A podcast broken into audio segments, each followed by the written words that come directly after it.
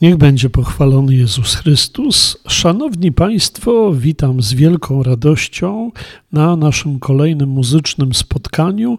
No i witam oczywiście z Różową Panterą, która przed chwilą, jak zawsze z gracją, rozpoczęła nasze muzyczne spotkanie.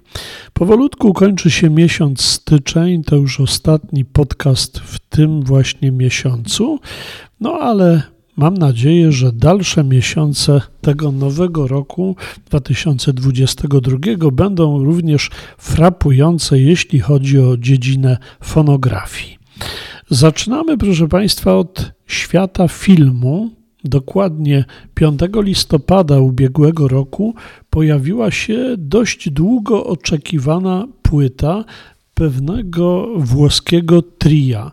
Mianowicie minęły już dwa lata, odkąd grupa Il Volo wydała ostatnią płytę z repertuarem popowym i pięć lat od bestsellerowego krążka poświęconego trzem tenorom. Wszyscy czekali na nową płytę tego włoskiego tria wokalnego. No i wreszcie 5 listopada ukazała się płyta z najpiękniejszymi tematami filmowymi włoskiego kompozytora Ennio Morricone. Y, wszyscy spodziewali się, że może się to stać, gdyż wielokrotnie trzej panowie mówili o wielkim szacunku, jakim darzą dokonania muzyczne Ennio Morricone. Więc oczywiste było, że już niedługo zadedykują część swojej kariery wielkiemu rodakowi. No i krążek, który nazywa się Il Volo Sings Morricone, zapowiadano od dawna. Y, po pierwsze, Pierwszym takim y, zwiastunem tego były informacje o przygotowywanym koncercie pamięci włoskiego twórcy. Wydarzenia z udziałem Il Volo, a także Andrei Morricone, syna zmarłego kompozytora w roli dyrygenta, odbyło się 5 czerwca w Weronie i okazało się wielkim sukcesem. Występ był emitowany na żywo przez Rai Uno, osiągnął rekordową widownię ponad 4,5 miliona odbiorców. W ślad za koncertem właśnie ukazał się ten album, nad którym zespół pracował przez wiele miesięcy przy całkowitym wsparciu rodziny kompozytora. Ta płyta składa się z 14 utworów, które nawiązują do legendarnych melodii utrwalonych w pamięci kilku pokoleń melomanów. Cztery z nich Il Volo nagrało z udziałem gości specjalnych. Kto tam występuje z nimi? Pierwszy to Hauser, czyli charyzmatyczny wiolonczelista z duetu Tuczelos. Później jest awangardowy skrzypek który nazywa się David Garrett, który już od kilku lat wydaje płyty z muzyką przeważną, ale poważną, ale y, zrobioną w taki sposób bardzo rozrywkowy. Kolejny to flecista Andrea Grimelli, który występuje często z Andreą Bocellim i ostatni to y, genialny trębacz jazzowy Chris Botti. Wszystkich wykonawców, którzy zostali zaproszeni do nagrania płyt Il Volo, polska publiczność miała już okazję y, poznać na y, koncertach organizowanych w Polsce. Y, tym muzyką, a także wokalistą towarzyszy w nagraniach Roma Sinfonietta Orchestra, którą prowadzi Marcello Roda, ten sam, który dyrygował orkiestrą podczas pierwszego koncertu Il Volo w Polsce przed czterema laty w Warszawie. Y, polscy fani Il Volo będą mieli okazję posłuchać tria, jeśli oczywiście pozwoli na to sytuacja epidemiologiczna, już w tym roku. Koncert, na którym na pewno zostaną przedstawione utwory, o których dzisiaj mówimy, z najnowszej płyty poświęconej Ennio Morricone, y, odbędzie się 9 lipca tego roku w Atlas Arenie. Y, bilety można cały czas nabywać. Arena jest olbrzymia. Myślę, że są jeszcze duże szanse, żeby Il Volo zobaczyć. Okładka jest taka bardzo piękna.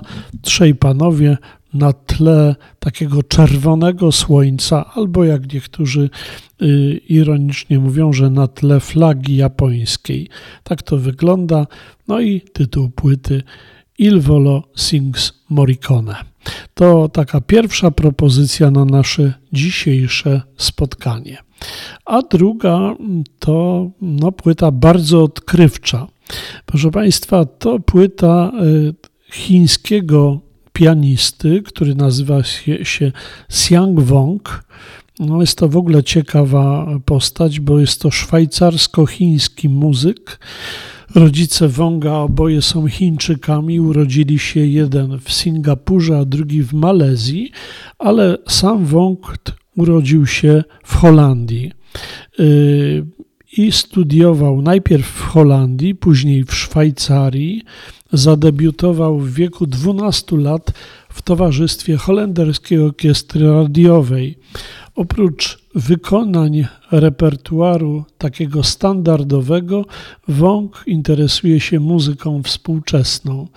W 2008 roku zainicjował taki projekt Swiss Piano, w ramach którego promuje tworzenie nowych utworów fortepianowych. Oprócz tego, że jest wybitnym pianistą, jest jeszcze również człowiekiem, który zajmuje się sztuką kulinarną, jest znanym kucharzem i blogerem kulinarnym. W 2018 roku został zwycięzcą szwajcarskiego programu kulinarnego Manekiche.